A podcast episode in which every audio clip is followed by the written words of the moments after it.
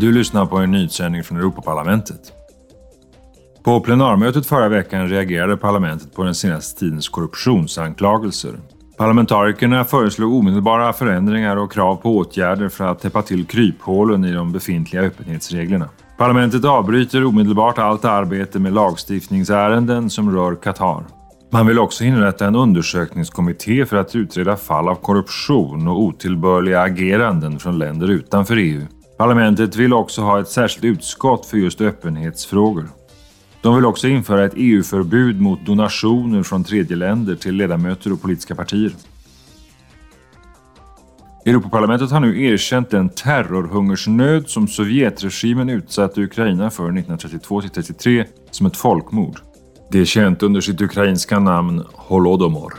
Parlamentarikerna fördömde i starka ordalag dessa handlingar som ledde till miljontals döda ukrainare. Alla länder och organisationer uppmanas att också erkänna Holodomor som folkmord.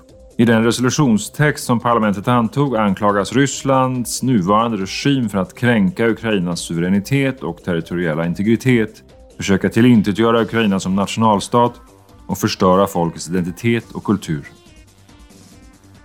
Enligt ett lagförslag som parlamentet och rådet enats om ska registrerade asylsökande kunna börja arbeta tidigare och integreras bättre.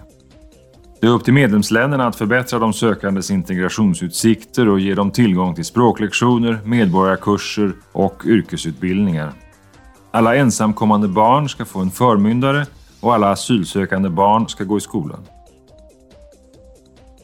Du har lyssnat på en nyhetssändning från Europaparlamentet.